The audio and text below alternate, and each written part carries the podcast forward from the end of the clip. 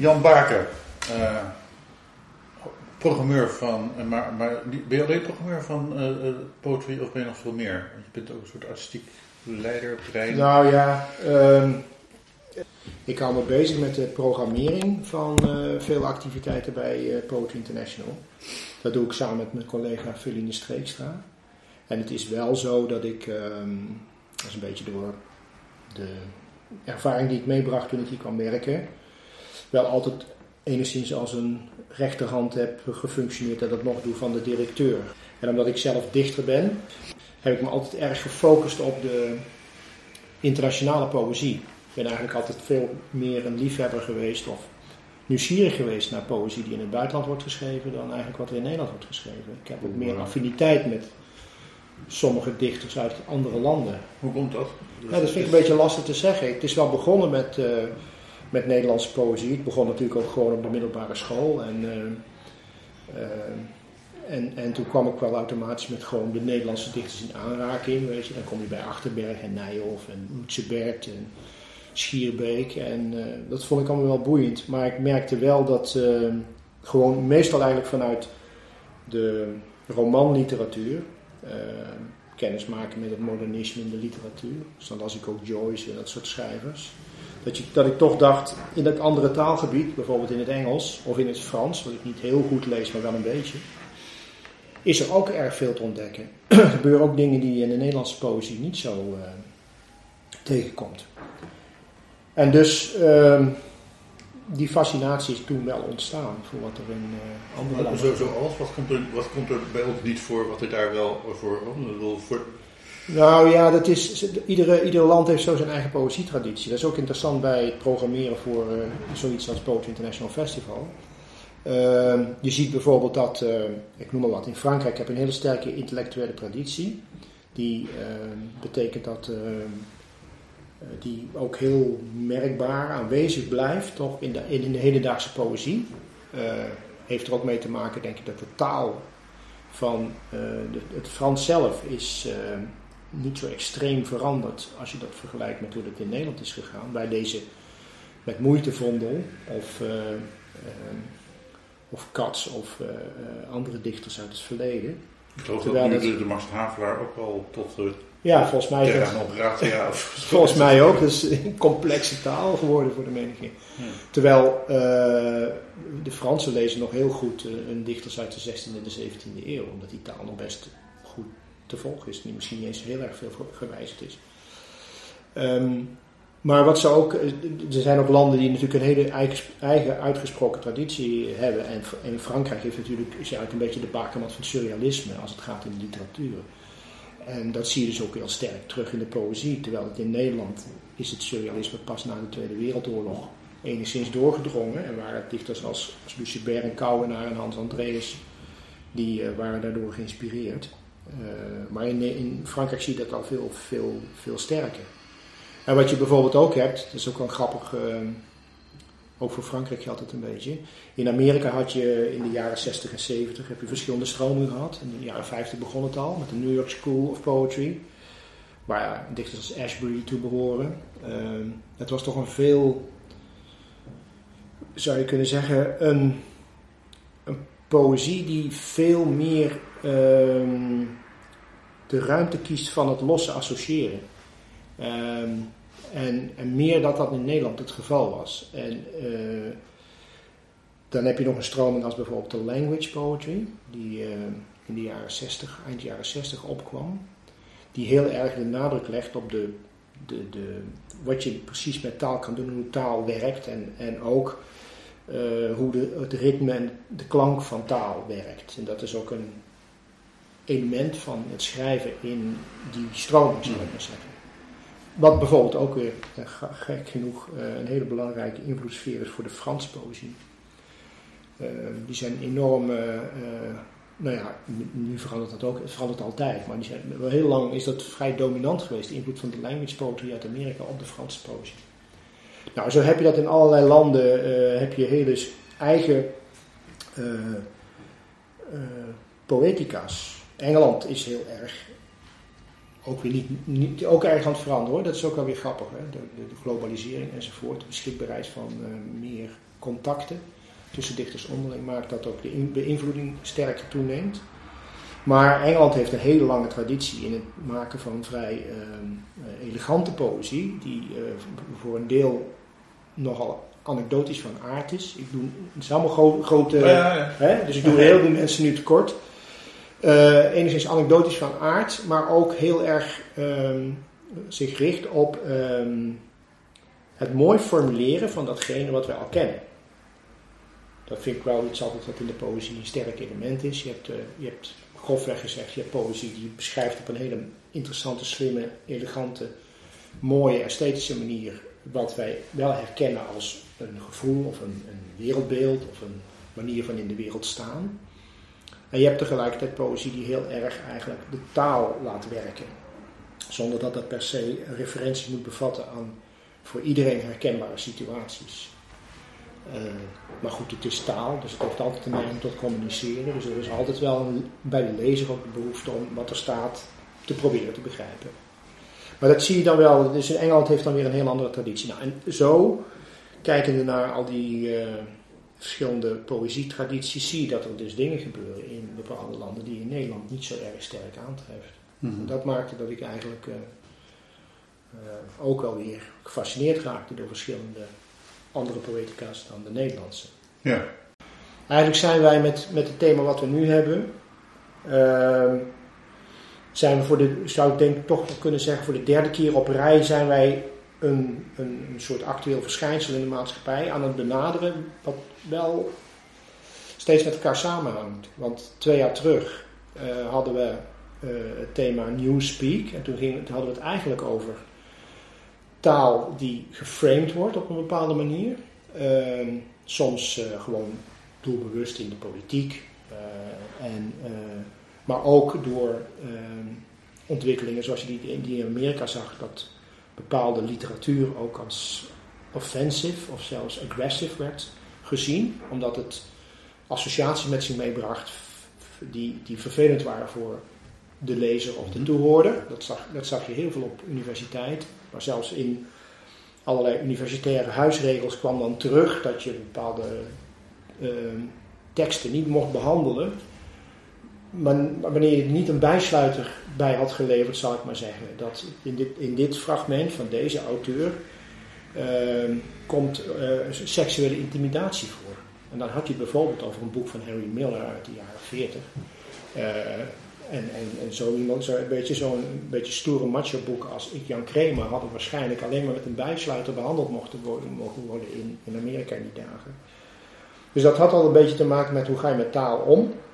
In dat thema zat overigens ook uh, de vraag naar wat, wat, wat doet het feit dat wij uh, in onze eigen land en in allerlei landen van de wereld en met name in een urbane omgeving allerlei subtalen en eigen slang en, en, en urban languages krijgen, heeft dat ook effect op onze taal, ook op de taal van de poëzie. Hm. Uh, vorig jaar hadden we het thema ik, dat was eigenlijk weer een, een andere kant van hetzelfde, van hetzelfde thema. Uh, omdat wij ons toen afvroegen wat, wat A, in de literatuur, wat betekent het ik in de poëzie? Als een schrijver ik hanteert als uh, het persoonlijk voornaamwoord in zijn gedichten, wat, wat wil hij daarmee zeggen?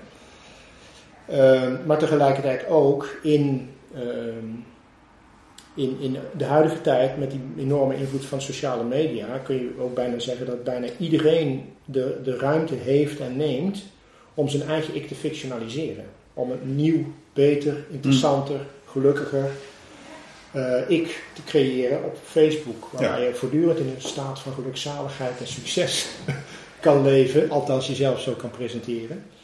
Dus dat, nou ja, ook dat had dus natuurlijk ook enorm met identiteit te maken. Nou, dat heeft in feite dit, dit thema ook. En het, de, de gedachte achter dit thema was ook omdat we uh, uitkomen bij het festival gaan we natuurlijk vaak ook wel uh, duiken we in andere poëzieculturen. We bezoeken ook nog wel eens festivals in het buitenland.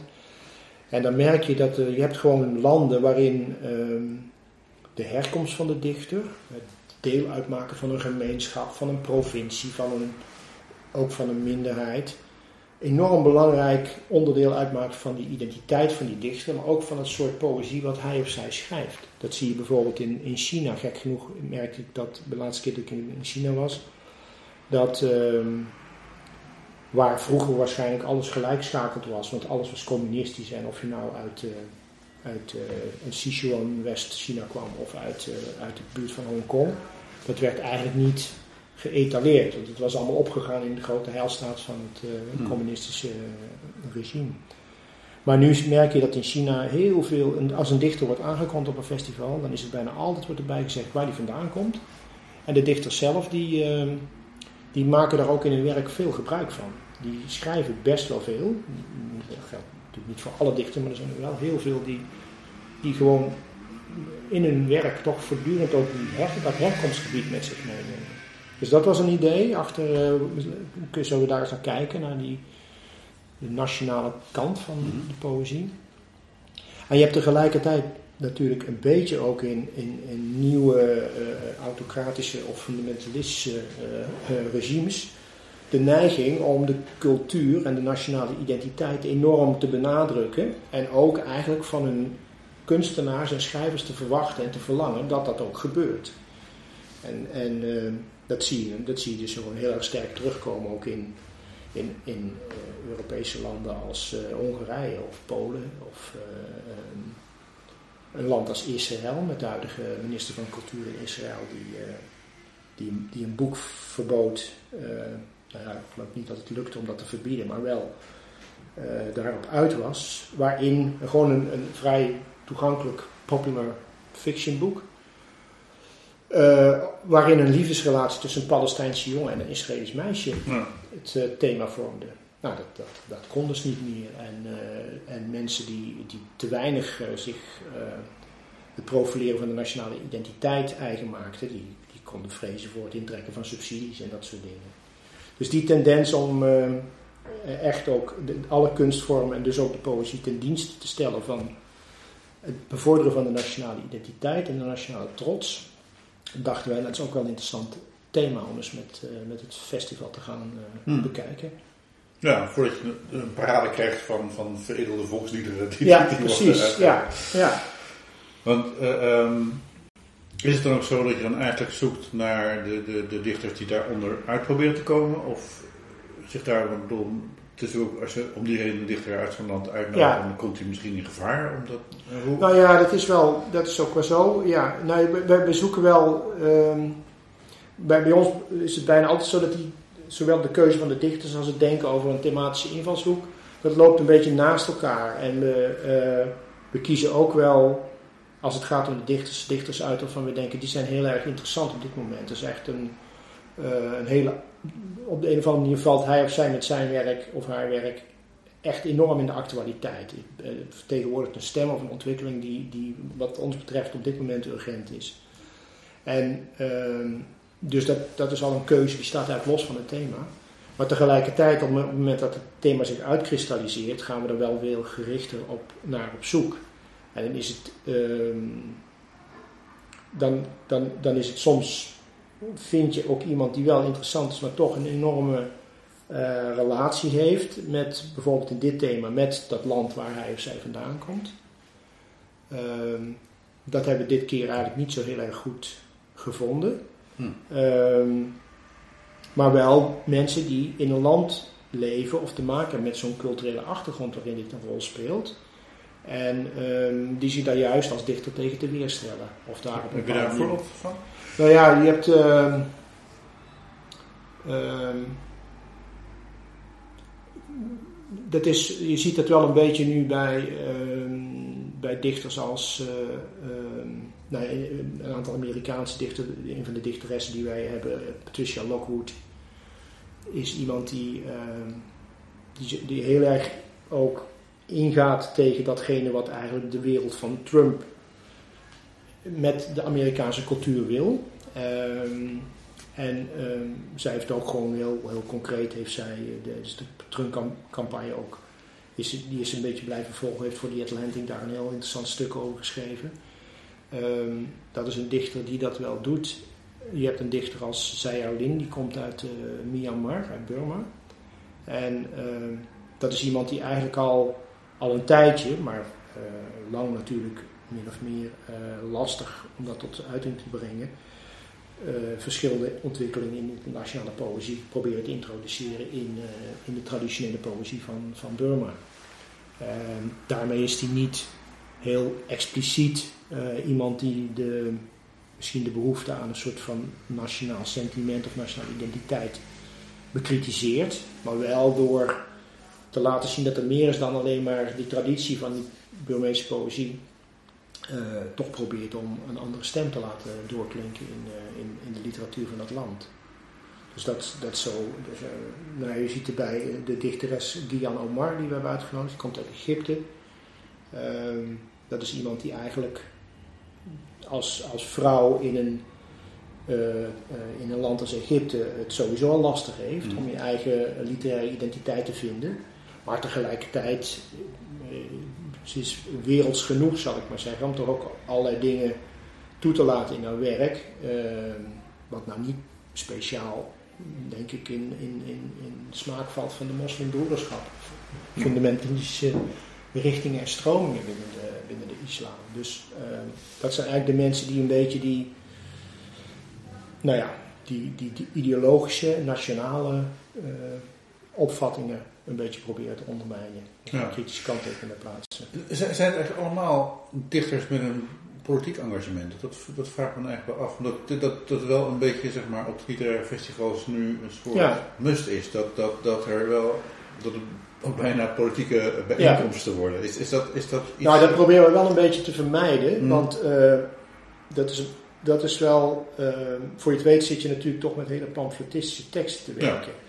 Ja. En... Uh, en dan gaat een, een, een, gedicht over een mooi beekje. En is ook, is ook prima, weet je, dat is ook zo. Dat is absoluut waar. Maar je hebt wel. Uh, en, en het is wel zo dat, dat uh, als, je, als je kijkt in de geschiedenis van het engagement in de poëzie. En als je dan teruggaat tot de tijd waarin we ook een hele geëngageerde poëtische. Nou, gewoon sowieso een geëngageerde periode hadden.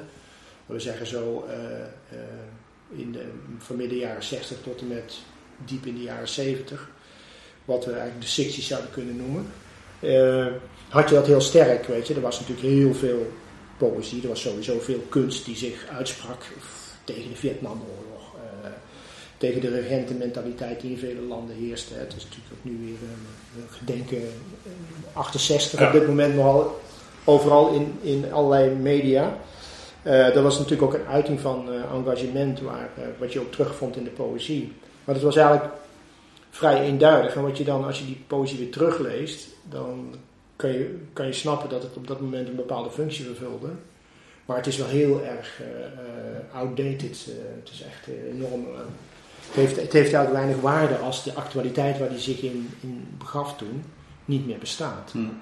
En wat ik nu interessant vind aan, aan de, zou kunnen zeggen, het engagement van nu, is dat je bij een heleboel dichters, ook wel vind ik juist de meest interessante dichters, um, geen eenduidige pamfletistische teksten vindt, maar juist het zit erin. Het is ook op een bepaalde manier um, uh, zo in die poëzie terug te vinden dat het eerder, laten we zeggen, de, de mechanismen achter uh, allerlei ontwikkelingen blootlegt, dan dat het daar heel direct op reageert. En um, in die zin heeft, heeft eigenlijk best veel poëzie op dit moment, als je in deze tijd leeft, dat engagement, zonder dat het nou meteen uh, uh, heel activistisch is. En als je dan zegt, ja, de meeste dichters, de meeste festivals programmeren eigenlijk allemaal dichters die in het engagement staan, dan klopt dat voor een deel. Maar is dat wel anders dan, uh, dan, dan, het, dan, dan misschien in eerste instantie zou denken. Maar goed, die dichters die ook nog gewoon een landschap beschrijven, bij wijze van spreken ook die zijn er nog steeds. Die, uh, uh, die, die dat doen. Maar het is wel zo dat. Ja, er, misschien omdat er gewoon te veel gebeurt in de wereld, dat, dat je nog echt de, de oude arcadische lyriek uh, in een modern jasje nog terug zou kunnen vinden, dat is eigenlijk vrij zeldzaam. Ja. Um, nou is natuurlijk nog een ander groot issue wat natuurlijk bij, bij poetry al jaren speelt en bij alle literatuurfestivals is natuurlijk de, de, uh, zeg maar de academische, literaire stroming en de, en, en de straat. Ja. En, uh, um, nou is het ook dat ook in Amerika spoken word in Engeland ook, dat dat heel erg een opkomst is wat eigenlijk meer poëzie van de straat is, ook in invloed van de hip-hop cultuur, waarbij mm -hmm. feitelijk kan je zeggen van hip-hop, uh, rap enzovoort, ja. dat is natuurlijk poëzie voor een miljoenen publiek. Ja. Um, dus zeg maar, zo, zo klein is de poëzie helemaal niet. Nee. Want nee. er weer mensen die kunnen rijmen en die dat. Die ja. Um, hoe, hoe is dat inmiddels? Is dat, is, is, zijn we er hier in Nederland een beetje uit inmiddels? Of dat, dat, dat, dat uh, uh, podiumpoëzie, om daar dan ja. even zo, uh, gewoon even goed een bestaansrecht heeft en er op, op zo'n festival thuis als de meer academische? Nou, dat, dat, dat is denk ik wel zo, dat hij daar ook even goed op een festival thuis kan horen. Wat ik wel, wat ik wel nog steeds zelf vind, is dat uh, ze komen wel uit een andere traditie. En dat betekent dat, uh, dat er best nog wel veel verschillen zijn tussen de beide manieren van omgaan met taal. En je ziet in, uh, kijk, in de keuze van de dichters die wij uh, de afgelopen tijd proberen bij ons te betrekken zie je dat er wel genoeg dichters zijn die, die eigenlijk een soort van schakel zijn tussen die twee culturen. Ja. Uh, of ze komen bijvoorbeeld uit de spoken word of de slam poetry traditie, uh, maar werken inmiddels ook op papier en uh, vinden het ook interessant om op papier uitgegeven te worden. Dat is, dat is hoe, hoe dan ook zie je dat toch nog wel als een vrij aantrekkelijk uh, ideaal. Ook bij veel spoken word dichters. Dat ze toch uiteindelijk ook wel heel fijn vinden als er een keer een bundel komt. Als die -hmm. teksten ook een keer in een boek worden geplaatst en worden uitgegeven. Maar je ziet wel dat, uh, dat er zijn de, de interessante dichters die, die, die, maken gebruik van, van, van we zeggen, de, de poëtica van beide tradities. Maar het is, spoken word is nog wel een jonge traditie en een van de belangrijke uh, elementen van spoken word, wat je ook ziet bij al die initiatieven die er zijn, ook in Nederland, maar ook in het buitenland, is dat het uh, een hele uh, open, gedemocratiseerde cultuur is. Hè. Iedereen die zin heeft, die kan meedoen. Er is eigenlijk helemaal geen enkele drempel. En, um, en je ziet wel, sommigen afficheren dat ook heel, heel sterk. En ik denk dat dat ook wel kenmerkend is voor het grootste gedeelte van, van spoken word en slam poetry. Het is heel erg autobiografisch. En, uh, en dan zie je wel dat, er, dat de, de, de mainstream, zou je kunnen zeggen, in spoken word, uh, is naar mijn gevoel, is als die uh, de autobiografische uh, uitgangspunten van die tekst, die oprecht zijn en gemeend en, en dat er een enorme urgentie is bij, de, bij de, degene die als spoken word artiest op het podium staat om daar uiting aan te geven, dan is het goed.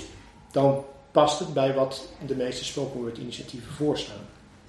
En dan gaat het veel minder om, uh, kijk, goede tekst die werkt op een bepaalde manier. En een tekst die goed is op een podium en de zaal inpakt, is een goede tekst voor datgene wat zo'n tekst wil. Uh, maar dus, er, is, er, is, mm, er is niet een enorme vanzelfsprekende neiging, en dat is misschien ook maar goed ook, om als organisator of programmeur van spoken word activiteit te zeggen, ja, ik kijk eerst even van, het, zijn die teksten wel uh, goed naar mijn norm gemeten? Zo niet, dan uh, komt die bij ons het podium niet op. Hmm. Het is juist uh, de bedoeling achter, of de bedoeling, in ieder geval, het hoort bij de cultuur van de spoken word scene heel erg om iedereen de ruimte te geven om, om dingen te brengen. En dat is ook goed, maar dat is, dat is, dat is natuurlijk een andere traditie dan, dan de traditie van de poëzie die gewoonlijk ook in een, in een, bij een literaire uitgeverij in een boek terechtkomt. En, en voortborduurt, ook vaak heel bewust en, uh, en toegewijd, op die eeuwenlange traditie van poëzie schrijven in een land en poëzie ja. uitgeven in een land. Maar de interessante, uh, toch merk ik wel, interessante dichters zijn die dichters die eigenlijk bij de ontwikkelingen goed weten te verbinden. Ja, dat was ook wat, wat zeg maar, bleek bij, de, bij die workshop, masterclass, uh, voordragen geweest. Oh ja. Die, ja. Waar het eigenlijk dat ook gezegd werd van gewoon een, een, goed gedicht is zowel podium als papier ja. Ja. overtuigend. Ja, precies. Want ik heb natuurlijk ook wel eens bij, bij, bij Nacht van de Poëzie wel eens hele beroemde dichters een beetje door het ijs zien gaan. Dat ze achter een microfoon gewoon niks voorstellen. Nee, dat is een beetje een mompelende presentatie. Ja, dat is ook zo. Nee, dat is, dat is ook zo, ja. Ja, dat is, dat is absoluut waar. Ja. Maar het is wel grappig dat je dat autobiografische noemt, maar dat autobiografische heeft natuurlijk ook heel erg te maken met die plaatsbepaling en, en de, de, de bepaling van wie je bent, identiteit, land. Ja. Uh, van ik mag wat over mezelf zeggen, maar jij mag niks over mij zeggen. Dat, dat, dat is eigenlijk een beetje het, uh, het idee. Um, dat begint eigenlijk vrij, vrij, dominant te worden in, in de poëzie. Ja. Dat dat dus steeds persoonlijker, steeds bewust wordt. Hoe, hoe ga je dat in want je gaat, nou, sowieso de openingsavond van het festival gaat, gaat ook, daar, daar zijn alleen de dichters die zichzelf voordragen. De vrijdag ga je volgens mij een, uh, een, een talkshow in met, met een aantal van die nogal... Van die dichters, uh, ja. ja. Uh, hoe, hoe ga je dat aanvliegen? Want bijvoorbeeld, nou, ja. er zijn een aantal best uitgesproken dichters hier. Dennis Williams, heb je... Dennis Smith. Dennis Smith, sorry. Ja. Nou, volgens mij zit, uh, hoe heet Patricia Lockwood ook bij. Patricia Lockwood en Ma uh, Maria Stepanova uit Rusland. Ja. Die ook uh, echt heel, die, die, die een, een eigen onafhankelijke journalistieke website heeft, Kolta. En vrij uitgebreid reageert op de politieke actualiteit in Rusland. Wat best een helder moed vereist, geloof ik. Dat denk ik wel, ja. dat, geloof ik, dat geloof ik zeker. nou ja, goed. Ja, wat, wat, we, wat ik... Uh, wat ik vooral de, bij dat programma, dat, dat, die talkshow, daar zal het, we zullen gewoon, denk ik, een aantal stellingen uh, de, de revue uh, gaan passeren. Kijk, wat ik wel heel graag van de verschillende deelnemers zou willen weten, is of, of er in deze tijd ook, uh, of het ook belangrijk is, of er een, een, een vorm zou moeten worden gevonden waarin je uh, uiting geeft aan datgene wat jouw, uh, jouw afkomst, jouw land, de cultuur waar je uit voortkomt, uh, laat zien. Ook al ben je het niet misschien in alle dingen met elkaar eens. Kijk, je kan over Rusland, je kan je Russische achtergrond kan je natuurlijk meenemen door bij wijze van spreken terug te gaan tot Pushkin en dan in de poëzie een aanknopingspunt te vinden. je kan er ook voor kiezen om vooral de, de, de tijd waarin we nu leven met, met een, zo'n autocratische heerser als Poetin, om daar nou juist uh, op in te gaan. Uh, dat zijn twee manieren waarop je om kan gaan met je, je eigen landelijke nationale identiteit en de geschiedenis van het land waar je vandaan komt.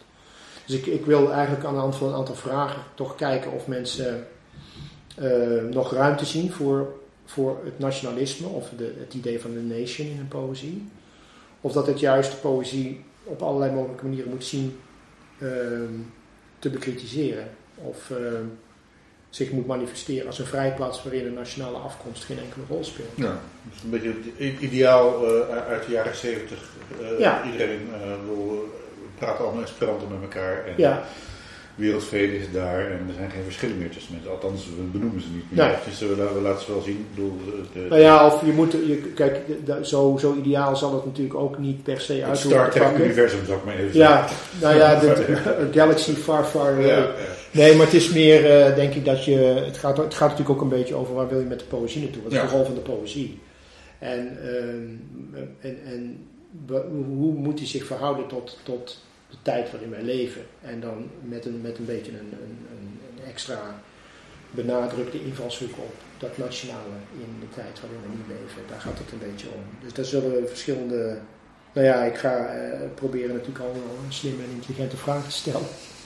Om dat gesprek een beetje op gang te krijgen. Ehm, maar het is denk ik ook vooral zo, kijk, zo'n zo'n zo'n zo'n programma, zo'n gesprek, zo'n talkshow gaat er natuurlijk ook een beetje om, eh, althans in onze opvatting bij het festival, om dat soort overwegingen wat dichters kunnen hebben om zich te verhouden tot hun, eh, tot hun land. Eh, om dat een beetje eh, eh, over te brengen op het publiek. Waar ben je daar bewust van als dichter? Doe je daar iets mee? Wat doe je er dan precies mee? Eh, bezwaart je dat of inspireert je dat juist? Eh, eh, schept dat nieuwe mogelijkheden? Eh, Of, of heb je het gevoel dat je steeds minder kan zeggen van wat je wil zeggen? Dus dat is, het is ook meer een beetje een kijkje in de keuken van de respectievelijke dichters. Om te zien hoe gaan ze nou om met die gegeven situatie. Mm Dus dat is eigenlijk de voornaamste invalshoek voor dat programma.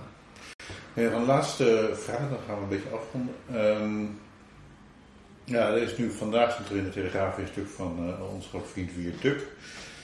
Um, maar er is ook een soort beweging die nu zegt dat wat er in 68 gebeurde met links, ja. die, die, die, zeg maar de, de dat gebeurt nu door rechts.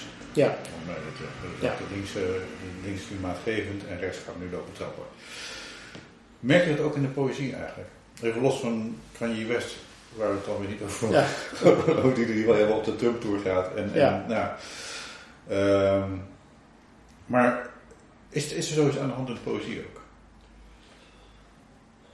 Nee, dat zie ik nog niet zo heel erg sterk. Nee, dat is. Uh, dan kan het zijn dat ik een blinde vlek heb om juist die, uh, die de poëzie te vinden of te zoeken waarin, uh, waarin dit geluid eigenlijk sterker wordt. Uh, maar ik merk dat nog niet zo heel erg. En, ik denk dat het ook een beetje te maken heeft met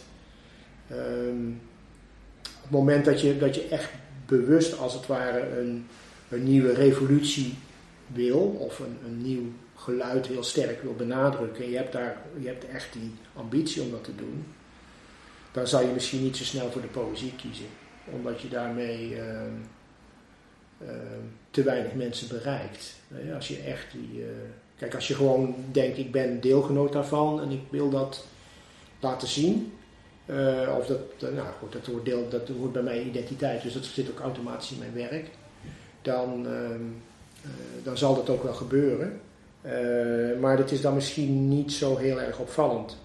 Je moet dan ook maar net in een omgeving verkeren of in een land wonen waarin de poëzie zoveel voldoende aandacht krijgt dat je ook als iemand die wat meer explicieter uiting geeft aan, aan de, de rechtse revolutie, als ik het zo mhm. noemen, ook meteen wordt opgepikt. En ik, zie, ik denk dat dat veel, veel meer uh, tot zijn recht komt in, uh, in songteksten. Uh, bands die daar gewoon heel erg mee bezig zijn.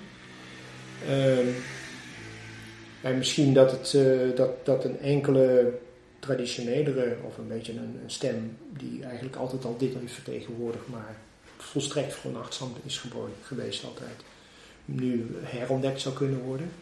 Ik weet bijvoorbeeld, ik heb een keer een programma gemaakt uh,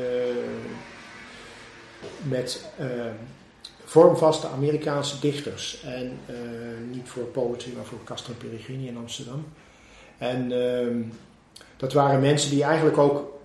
Uh, dat waren eigenlijk een beetje een, groep mensen die ook wel een zekere conservatieve uh, gedachtegoed op nahielden. En die hmm. vonden eigenlijk al die ontwikkelingen die aan die universities tot stand gebracht waren in de jaren 60, weet je, allemaal vrije poëzie en het ging alle kanten op en er zat geen fatsoenlijke rijm meer in. En de thema's waren ook altijd uh, te weinig universeel of van, van, van grote eeuwige waarde. Dus die, die wilden dat echt, uh, die, die zaten echt een beetje op die traditionele vormen. En daar wel een nieuwe, nieuwe modernere uitingsvorm voor vinden. En dat zijn mensen die, die misschien wel, uh, als de tijd meezit, zouden daar ook best wel mensen dichters uit kunnen, naar boven kunnen komen die juist dat nieuwe rechtse gedachtegoed zouden kunnen vertegenwoordigen. Maar ik, vind het, ik zie het nog niet zo heel erg terug in, hmm. in de actuele poëzie. Uh, maar misschien kijk ik niet goed hoor. Zo, uh, ik bedoel, uh, dat is natuurlijk een punt wat altijd speelt bij programmeren voor zoiets als een festival. Fijn is dat we altijd met meerdere mensen naar dingen kijken. We hebben twee programmeurs en uh, de directeur die kijkt ook altijd mee. We hebben redacteuren in het buitenland die voor ons voor de website dingen doen. We hebben vertalers die ook allemaal op hun eigen manier hun eigen taalgebied de poëzie volgen. Dus al die indrukken opvattingen die komen ook binnen en uh, daar is niet iedereen het met elkaar eens. En dat is maar goed ook. Maar je houdt toch altijd wel uiteindelijk in de, in de, in de programmering van een festival. Uh, hoe goed je ook probeert om over je eigen smaakgrens heen te stappen. Er zit natuurlijk altijd een, een, een begrenzing aan. Ja. van wat ik goed vind en wat mijn collega's goed vinden. Dat komt makkelijker op het festival dan wat we helemaal niks vinden. Hmm. Dus, uh, maar ja. Wat is nou, de, om daar dan even over te hebben, wat is nou de grootste ontwikkeling in de poëzie die jullie gemist hebben afgelopen jaar? Is die er? Is, is, is, is kan, een klein beetje introspectie ja. in, ja, weet ik niet of, we dat, of wij echt iets gemist hebben. Uh, uh, ik ben geneigd te denken dat, dat, dat, dat, dat we niet echt iets heel groots gemist hebben. Het kan best zijn dat we sommige dingen te laat zagen. Maar, um, um, nou, nee, dit is. De echte dingen die zich bewezen hebben als een grote ontwikkeling, uh, die hebben we denk ik gewoon wel allemaal gezien. En uh, het kan best zijn dat er wel allerlei kleinere ontwikkelingen zijn die wij, uh, die wij niet, uh, die we nog niet goed hebben in, in beeld hebben gehad of in beeld hebben op dit moment. Maar we hebben ook wel best veel geprobeerd om uh, te kijken naar dingen die zich buiten de gebaande paden van de literatuur afspeelden. Wij zijn, wij al het, in, in begin van deze eeuw uh, hebben wij ons ook wel al ontfermd om de slam poetry. En uh, dus we hebben een aantal momenten gecreëerd bij het festival dat slam poetry in de aandacht kwam. Daar zijn we op een gegeven moment opgehouden omdat we het niet zo interessant vonden, omdat we niet vonden dat daar veel nieuwe dingen gebeurden. We proberen ook heel erg veel te volgen wat er, gebied, wat er gebeurt op het gebied van meer digitale vormen van poëzie. Waarbij met multimediaal crossovers enzovoort wordt gewerkt. En, uh, uh, maar goed, we hebben, niet, we hebben niet gemerkt dat dat zo'n vlucht neemt of dat het zo'n kant op gaat, dat je kunt spreken van een hele grote ontwikkeling. Hmm.